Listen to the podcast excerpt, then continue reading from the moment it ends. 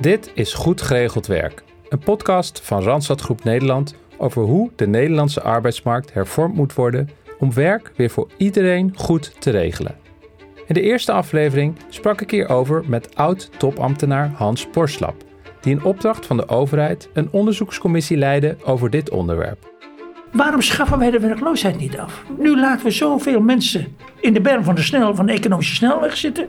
Miljarden aan uitkeringen. Terwijl we aan de andere kant zoveel onvervulbare vacatures hebben in alle mogelijke sectoren.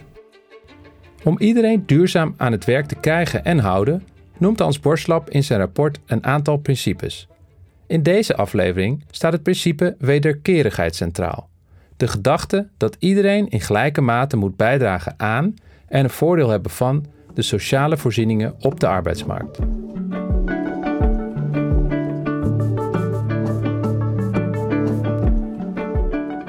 Mijn naam is Hans Bustra. Ik ben journalist en documentairemaker en in deze podcast ga ik op zoek naar een antwoord op de vraag hoe we werk in ons land weer voor iedereen goed kunnen regelen en een inclusieve, eerlijke arbeidsmarkt kunnen creëren.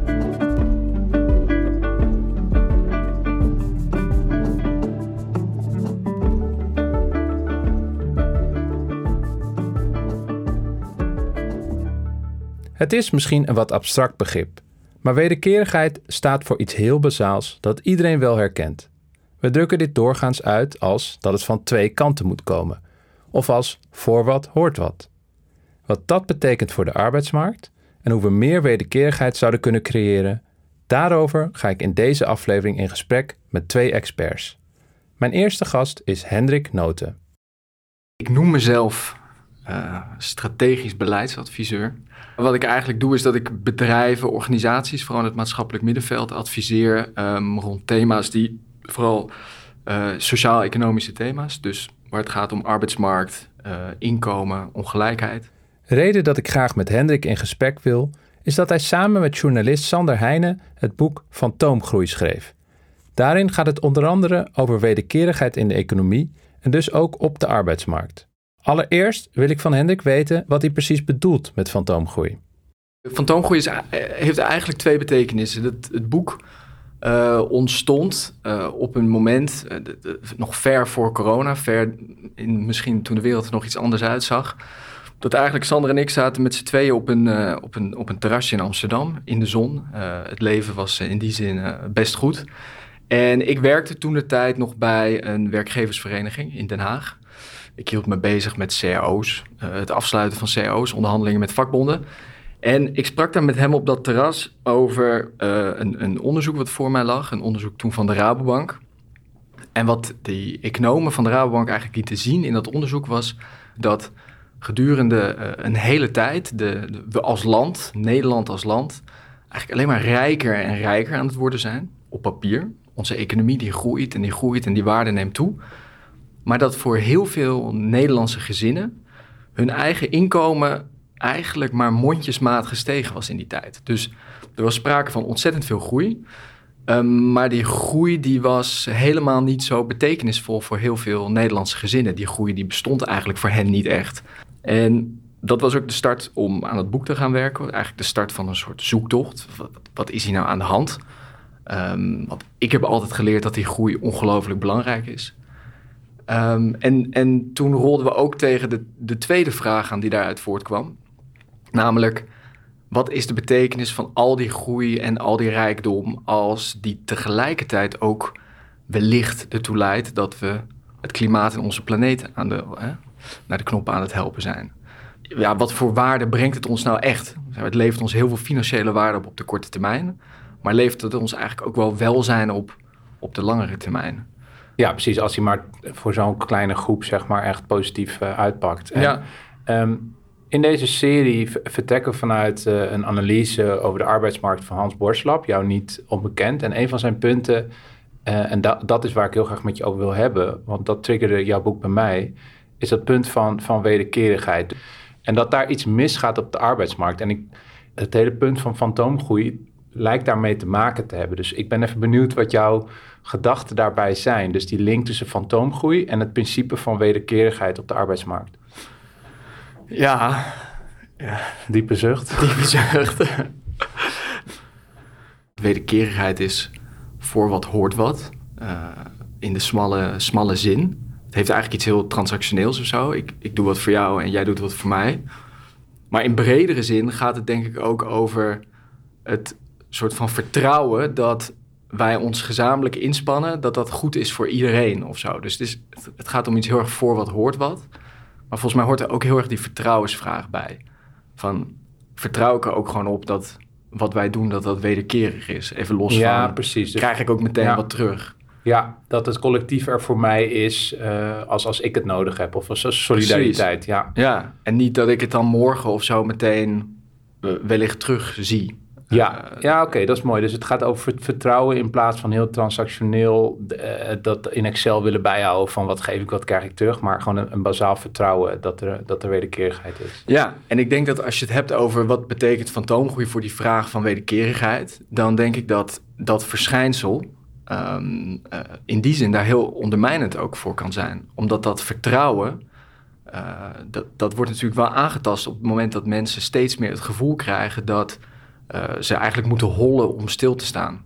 Dus hard werken, en misschien harder werken, maar daar aan de andere kant niet iets voor terugzien. Of dat gaat daaraan vreten. En dat, ik denk dat dat wel heel moeilijk is om overeind te houden als er sprake is van te veel fantoomgroei. Ik denk dat dat heel erg schuurt met elkaar. Omgekeerd zou je ook kunnen zeggen van, nou, dat is een, een goede, goede analyse om te kijken van hoe kunnen we die wederkerigheid wel met elkaar bereiken. Ja, en als we daarover na willen denken, ik vond het mooi in je boek, uh, um, gaan jullie gewoon diep verder geschiedenis in. En dan schetsen jullie op een gegeven moment, uh, een beetje met romantische bril bijna, de naoorlogse periode, toen het economisch heel goed ging.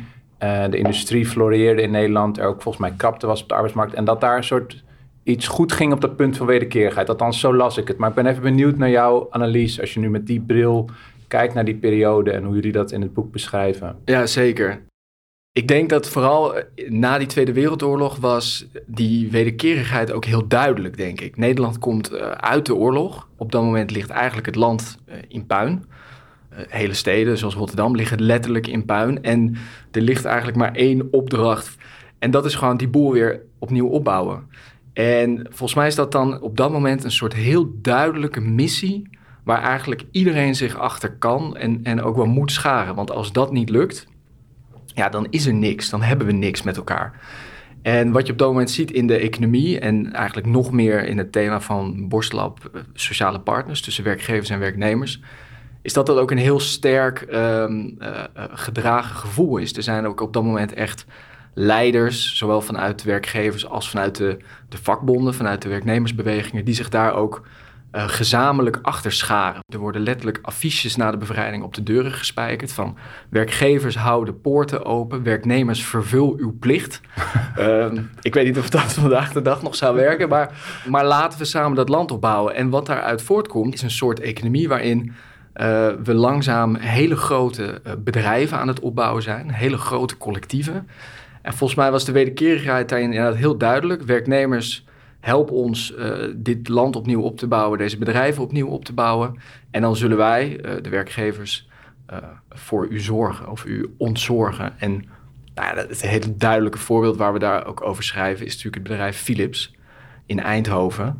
Wat eigenlijk een bedrijf is wat door de tijd heen en zeker ook na die, na die oorlog, ja, letterlijk een stad op de kaart heeft gezet. Dat bouwt letterlijk hele woonwijken voor, voor de werknemers.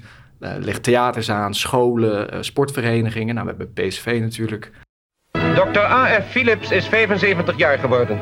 De stad Eindhoven en de mensen uit zijn bedrijf, van hoog tot laag, hebben hem, die de fabriek uit niets maakte tot wat hij thans is, op zijn jubileumdag in de bloemetjes gezet en zijn hem daarna in het ontspannings... Want was er dus toen, zou je zeggen, geen fantoomgroei, maar echte groei voor die werkenden die dus voor Philips gingen werken, die voor ja, zeker. woning kregen en, en voor Philips natuurlijk als bedrijf. Ja, zeker. Ja, ja voor Philips als bedrijf. Uh, en, en er zijn ook grote collectieve regelingen. Heel veel mensen die onder, op een gegeven moment onder CO's vallen. En in die zin is er minder uh, fantoomgroei. Um, maar dit loopt op een gegeven moment wel op zijn einde. Dit is, dat is geen oneindig model, want het is ook verstikkend. Ja, en hoezo? Uh, nou, op een gegeven moment worden die bedrijven ook te groot. Philips werd ook te groot. Uh, er komt dan concurrentie op uit Azië, vooral. Uh, uit Japan. En, en dan zie je dat het eigenlijk te log is geworden. Dus dat idee van wij werken samen en wij ontzorgen u vervolgens volledig. Ja, het liep uit de hand, denk ik. In Fantoomgroei wordt beschreven hoe globalisering en de opkomst van het neoliberalisme vanaf de jaren 70 maakte dat grote bedrijven als Philips gingen bezuinigen. Werk werd geoutsourced en bedrijfsonderdelen werden opgeknipt en verkocht. Dit betekende het einde van het naoorlogse lifetime employment. Het idee dat in ruil voor jouw arbeid je werkgever min of meer van de wieg tot het graf voor je zorgt. Daarna verandert die wederkerigheid. Dus die bedrijven worden kleiner, die kunnen dat niet volhouden. En die overheid neemt eigenlijk die taak over. En de rol van die bedrijven wordt steeds meer om gewoon financieel goed rendabel te zijn. Dan belastingen af te dragen. En dan gaat de overheid stapt in dat, in dat gat. Uh, als we het weer hebben over dat, dat vertrouwen in die wederkerigheid. Dat dat, dat dat moeilijker wordt. Omdat die overheid is iets groots, is iets groter en nog groter geworden. Uh, eigenlijk enorme instituties en die loyaliteit, die voel je natuurlijk niet richting de overheid. Die je wel voelt in een directe relatie of kan voelen met je werkgever. Eh, die voel je inderdaad in die zin niet met die overheid. Dus dat verandert ook hoe ik, hoe ik mijn rechten en plichten daarin zie. Die overheid uh, die heeft gezegd, ik neem dat over. Prima. Uh, die bedrijven, denk ik, hebben zich daarna meer en meer gericht op die, toch op die financiële, economische taak. Maar die overheid loopt in die zin ook vast die fantoomgroei die wij omschrijven in de belofte die wij doen over dat wellicht als je hard werkt, dat je altijd vooruit komt en dat er bepaalde mate van rechtvaardigheid in zit. Uh, ja, daar heeft die overheid ook steeds meer moeite mee. Die, die is steeds meer moeten gaan herverdelen en dat lukt steeds minder. Uh, dus je ziet eigenlijk dat die overheid die verzorgende, herverdelende taak, uh, ja, ja, denk ik, minder en minder waar kan maken. Ja, en, en wat blijft daar dan over van die, van die vertrouwensband? Die hele verzorgende bedrijven en zo, die krijgen we niet meer terug. Dat moeten we ook niet willen. Ik moet er zelf uh, echt niet, niet aan denken. Maar je kan wel zeggen dat we in die periode daarna, terwijl die overheid geprobeerd heeft al die taken op te nemen, dat veel van die bedrijven wel door zijn geslagen in de focus op vooral die financiële korte termijn. En dat je daarin op bedrijfsniveau ook heel veel zou kunnen doen om uh, eigenlijk de relatie met je werknemers meer centraal te zetten en iets minder de relatie met je aandeelhouders centraal te zetten. Ja. En ik denk dat daarin ook een heel belangrijke oplossing zou kunnen liggen. Wat moeten grote organisaties? Wat kunnen die doen? Wat zou ik adviseren? Wat, wat zijn eerste stappen? Beide partijen moeten een stapje doen. We willen iets van die werknemers. Uh, die moeten eigenlijk zichzelf op een bepaalde manier opnieuw uitvinden. Niet meer voor eeuwig bij hetzelfde bedrijf. Meer investeren in jezelf. Dat willen we normaler gaan vinden. Nou, dat lijkt me goed redelijke vraag. Die moeten zichzelf opnieuw uitvinden. En dan moeten eigenlijk die bedrijven zichzelf ook voor een deel opnieuw uitvinden. Iets minder die focus op die financiële korte termijn, minder op die aandeelhouder en meer op gewoon weer die relatie met die werknemer in het bedrijf. Dus betrokkenheid bij beslissingen, betrokkenheid bij uh, hoe geef je het werk vorm. Uh, maar het kan zelfs zijn van hoe regel je je roosters, weet je wel. Gewoon weer die eigenaarschap, dat weer dichter in dat bedrijf brengen. Want dan ga je namelijk ook naar een situatie toe, volgens mij, dat je aan de ene kant kan vragen van die werknemer: oké, okay, we zorgen niet meer ons hele leven voor je. Die rol, dat is voorbij. Maar dat wil jij ook waarschijnlijk. Maar misschien wil je dat ook niet meer. Ja. Wij verwachten ook dat jij meer in jezelf investeert. Oké, okay, ook goed. Maar in ruil daarvoor is het werk wat we hier met elkaar doen, is ook meer van jou. En het werk wat we hier met elkaar doen, is, hè, daar heb jij ook meer zeggenschap over. Want het gaat namelijk wringen als je die dingen wel vraagt maar tegelijkertijd de vruchten daarvan uh, zeg maar aan dividend gewoon je bedrijf uit laat stromen. Ja. Dus volgens mij daarin, uh, ja, daar valt ja, echt een wereld in te winnen. Uiteindelijk is de analyse van fantoomgroei meta. Het gaat over het falen van het neoliberalisme. Arbeid loont onvoldoende en de waarde die we als samenleving creëren komt terecht bij een kleine groep. Dit geluid klinkt steeds sterker en niet voor niets is er wetgeving in de maak om vermogen meer te belasten. Maar als er volgens noten ook een wereld te winnen valt binnen bedrijven, bijvoorbeeld door mensen meer zeggenschap en eigenaarschap te geven, wat zijn dan de stappen die gezet kunnen worden? Hierover ga ik in gesprek met het hoofd HR van boodschappenbezorger Picnic. Iemand met een verrassende nieuwe kijk op de arbeidsmarkt. Ik ben Toon Borre, ik werk bij Picnic en um, zit daar in het People Operations Team. Dus eigenlijk in ons team doen we alle uh, recruitment, alle planningen en roosters en alle HR-zaken voor onze grote groepen medewerkers die in onze operatie werken. Nou, veel mensen zien wel eens onze autootjes over straat rijden, daar zitten natuurlijk bezorgers in. Maar we hebben ook een heleboel mensen die in onze uh, logistieke centra werken en daar de boodschappen bijvoorbeeld inpakken. Dus die groep, uh, ja, we doen eigenlijk daar alles voor. Dus van betalingen tot en met hun persoonlijke ontwikkeling, tot en met inderdaad dus roosters die goed aansluiten bij, bij het persoonlijk leven van mensen. Toon Borren deed dit jaar op persoonlijke titel mee aan een essay-wedstrijd van het televisieprogramma Sander en de Kloof over vermogens- en kansenongelijkheid in Nederland. In zijn essay beschrijft hij een gedachte-experiment. Wat als je ervoor mag kiezen geboren te worden in een willekeurig ander Nederlands gezin? Zou je daarvoor kiezen? Hoe zou je je samenleving inrichten op het moment dat jij opnieuw geboren zou worden als een random Nederlander in een random gezin? En ik denk dat door de meritocratische gedachte die we hebben, dat heel veel mensen zichzelf als winnaar beschouwen, omdat dat eigenlijk het frame is waarin we uh, onszelf en ook anderen beoordelen. De meritocratie is, is een gedachte dat, dat, dat, dat eigenlijk alles je verdienst is. Toch? Ja, als je maar hard werkt en je best doet um, um, en, en kansen grijpt, dat je dan dat je daarom succesvol kunt zijn en worden. Maar het begint er wel bij met hoeveel kansen je, je daadwerkelijk krijgt. Dus hoe vaak krijg je dat moment om een kans te grijpen. En dat is denk ik heel erg scheef verdeeld in Nederland. En ik denk dat het goed is als um, winnaars uh, in dat meritocratische model, waarin, waar ik ook mezelf onder beschouw, of schouw, um, dat die vaker beseffen dat, het, dat ze eigenlijk maar geluk hebben gehad. Dus ja, dat je ja. vaker die vraag stelt. Um, want als ik, ik ben ervan overtuigd dat als ik als random Nederlander terug zou komen in een random gezin in Nederland, waar je uh, een aanzienlijke kans hebt op armoede, op ouders die misschien niet Nederlands spreken, dat ik, dat ik hier waarschijnlijk nu niet had gezeten. Ja, ik had uh, dezelfde gedachte bij je essay. Namelijk dat ik ook besefte hoeveel geluk ik eigenlijk heb gehad in het leven.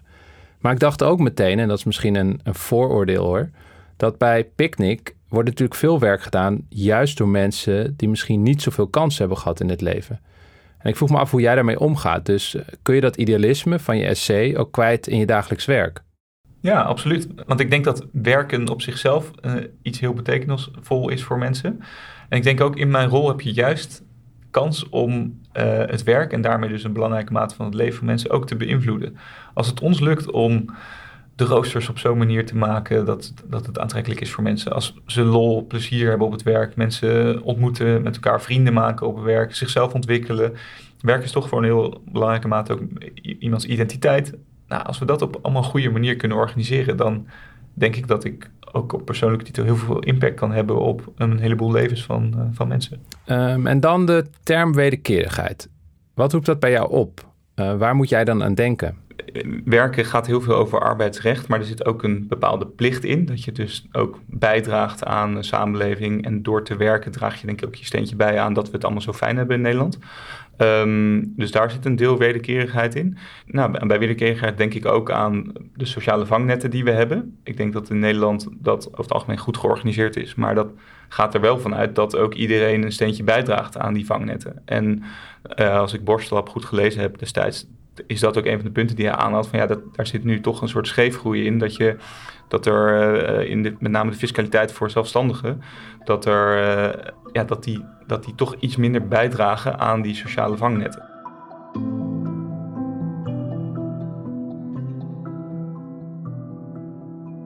De commissie Borslap signaleert het probleem van schijnzelfstandigheid. ZZP'ers die precies hetzelfde doen als mensen in loondienst, maar een stuk minder premies afdragen en grote fiscale voordelen genieten. Kortom, er is bij deze groep onvoldoende sprake van wederkerigheid. Bij Picnic worden ZZP'ers beperkt ingezet. Toon legt uit dat hij daar een duidelijke reden voor heeft. Picnic is een groeiende organisatie en wil mensen vooral voor langer aan zich binden, bijvoorbeeld door hen groeikansen te bieden. In ons team zit een, uh, zit een jongen um, en die is echt op de vloer begonnen.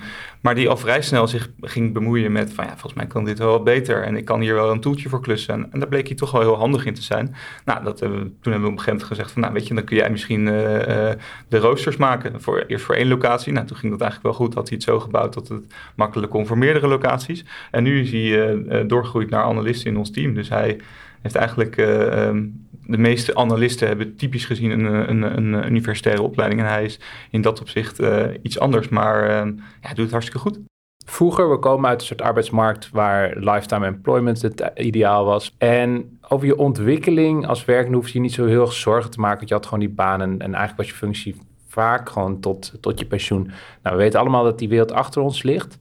En ik vraag me heel erg eigenlijk af binnen een bedrijf als Picnic, omdat ik gewoon het beeld heb als je orderpicker of groei bent, dan denk ik gewoon, ja, waar, waar gaat je loopbaan dan heen? En kan, kun jij, jullie als organisatie, echt die ontwikkeling faciliteren, dat iemand echt inzetbaar blijft en aan zichzelf blijft werken?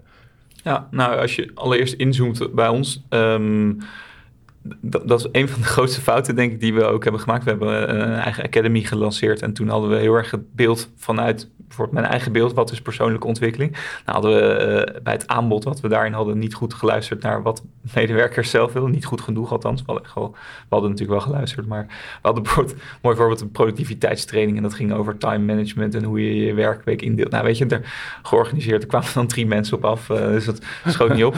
Toen, toen zijn we toch beter gaan kijken en, en, nu hebben we denk ik een aanbod wat veel beter aansluit bij die behoeften. En een beetje, er zijn bijvoorbeeld medewerkers die zeggen, nou ik wil, ik wil BHV'er worden, want dat maakt mij meer waard op een arbeidsmarkt want dan kan ik dat en dan ben ik meer waard voor een bedrijf.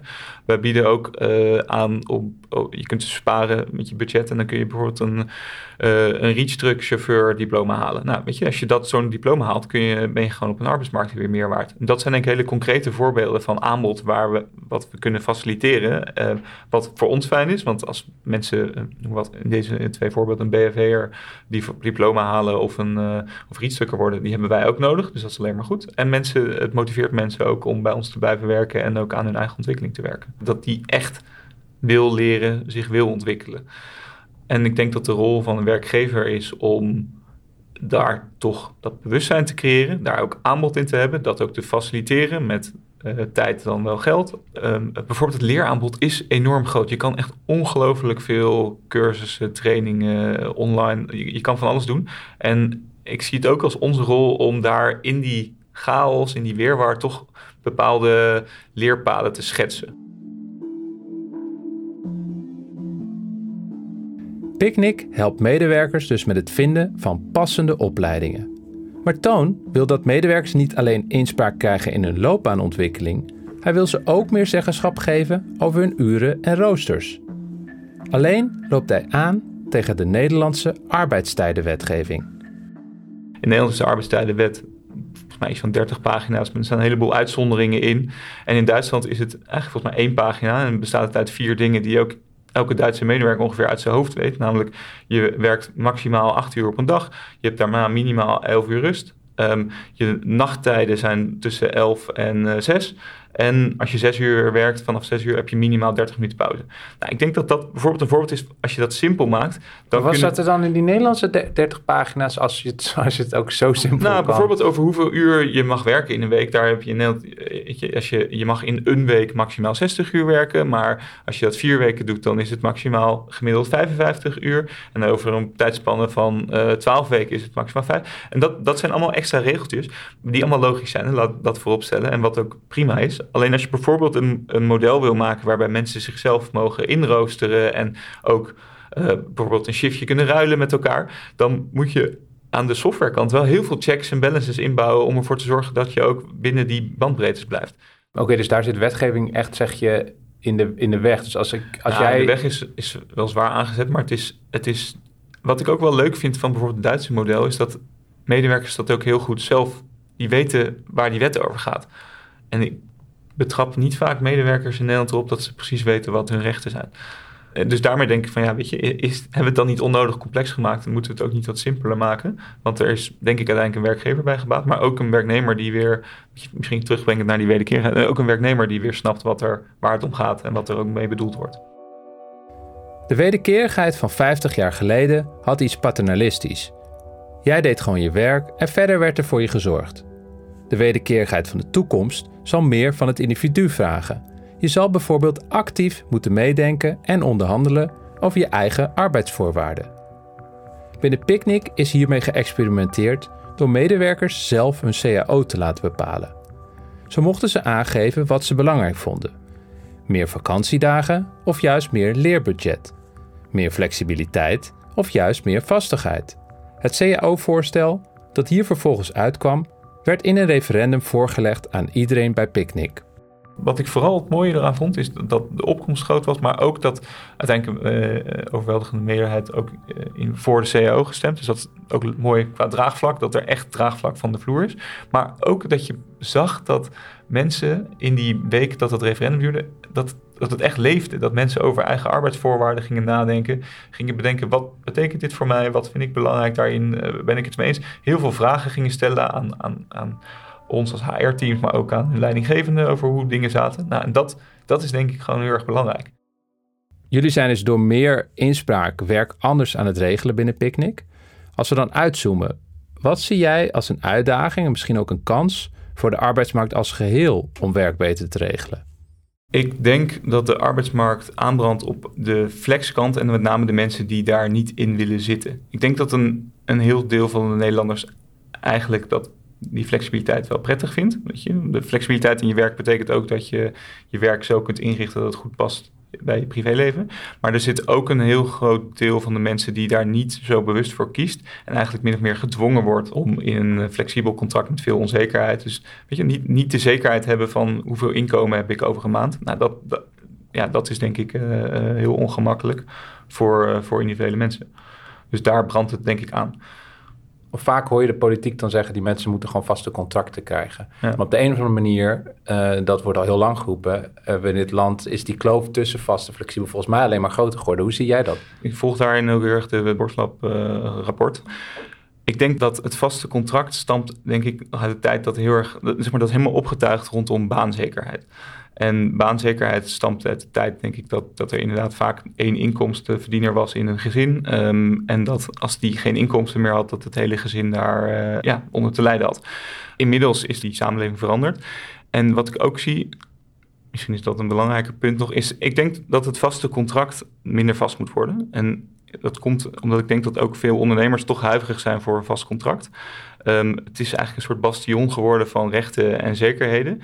Maar er zitten ook ja, toch perverse prikkels aan, waardoor werkgevers toch huiverig zijn met het aanbieden ervan. En dat heeft met ontslagbescherming te maken, uh, maar dat heeft ook te maken met bijvoorbeeld loondoorbetaling bij ziekte en ook de premieafdrachten van een werkende toch vaak hoger zijn dan van een zelfstandige. Dus al dat soort perverse prikkels zorgen ervoor dat het vaste contract minder populair is voor werkgevers om aan te bieden. Ja, dus je schetst hier ook echt een soort werkgevers vanuit de werkgeversperspectief. Ook, en dat kan heel snel als een soort rechtsverhaal klinken, maar ik maar hoe, hoe zie je dat? Maar als je tegelijkertijd nou, het idealisme hebt van ik, wil... ja, het vaste contract is in de basis natuurlijk goed. Hè? Alleen door alleen maar in vaste contracten te denken... Um, vergeet je ook dat er toch bepaalde flexibiliteit... ook aan de werkgeverskant nodig is. Je hebt seizoenseffecten, je hebt Soms kunnen, kunnen orders tegenvallen, er kunnen machines stuk gaan waardoor je geen werk hebt. Iedereen in, in, in de mal van een vast contract drukken zonder enige vorm van flexibiliteit, ja, dat is denk ik niet de oplossing. Want je moet ook aan die wendbaarheid tegemoetkomen aan de werkgeverskant. Ik zou het goed vinden, dat zegt Borslab ook, maak het vastcontract nou echt minder vast. Ik denk dat we daar ook echt in Nederland moeten, uh, door op een andere manier naar een arbeidsmarkt moeten gaan kijken. Dat is echt een paradigmaverandering. Dus dat is, dat is denk ik ook moeilijk voor heel veel partijen die toch, toch met dat uh, beeld opgegroeid zijn. Maar dat we dat toch moeten gaan doen. Dus ik denk, en dat is uiteindelijk de zekerheid waar je denk naar op zoek bent. Dat als we met z'n allen een, een klein beetje flexibel zijn, kun je nog steeds heel zeker zijn van bijvoorbeeld een inkomen. Dat is wel een, mooie fundamentele discussie. Dan breng je weer terug naar die zekerheid, waarbij uh, we nu heel erg alles georganiseerd hebben op, op baanzekerheid. En dat je veel meer gaat naar inkomenszekerheid. Want dat is uiteindelijk, weet je, bestaanszekerheid hangt af van een bepaald inkomen. Denk, en dat is denk ik die radicale verandering waar ik van hoop dat die gaat plaatsvinden. Dat we veel meer naar zo'n model toe gaan. Dat geeft uiteindelijk echte zekerheid, denk ik. En zouden we dat morgen, zouden we daar morgen al mee kunnen beginnen? Ik bedoel, is het geld om, of gewoon heel plat, is het geld er om, dat, om zo'n stap te zetten als samenleving? Ja, volgens mij wel. Want we hebben nu al een heleboel uh, uh, van dit soort sociale voorzieningen. Um, ik denk het mooie flex security model van Denemarken is een mooi model. Dus aan de ene kant heb je een ja, redelijk uh, wendbare contracten. Dus niet te veel bescherming, maar wel een grote uh, ruimhartige inkomstenvoorziening en een activerend model. Dus je gaat toch, weet je, als je te lang stil zit terwijl je wel zou kunnen werken, dan merk je het op een gegeven moment ook en is er dus echt een prikkel om weer aan de slag te gaan. En dat nou, dat zegt Borslap natuurlijk ook, dat moet je eigenlijk heel snel al hebben. Als mensen eenmaal te lang in een WW zitten of, of, of zo'n soort inkomensvoorziening hebben, dan wordt de afstand steeds groter en wordt het steeds moeilijker om weer werk te vinden. Maar als je tegelijkertijd zorgt dat je ruimhartige inkomensvoorzieningen hebt voor tijden dat je inderdaad geen werk hebt of dat je arbeidsongeschikt wordt, of zoals we ook met de AOW natuurlijk hebben, nou, dat, dan ga je dus naar een model met inkomenszekerheid, wat uiteindelijk, uiteindelijk veel zekerder is. En ik denk ook als, als Nederland beter is, omdat je dus ook uiteindelijk dus een veel wendbare arbeidsmarkt hebt die veel, veel beter toegerust is op alle uitdagingen die nog op ons afkomen. Hoe we zo'n activerende arbeidsmarkt, waar werkzekerheid centraal staat, zouden kunnen organiseren, daarover gaan de volgende afleveringen van deze podcast.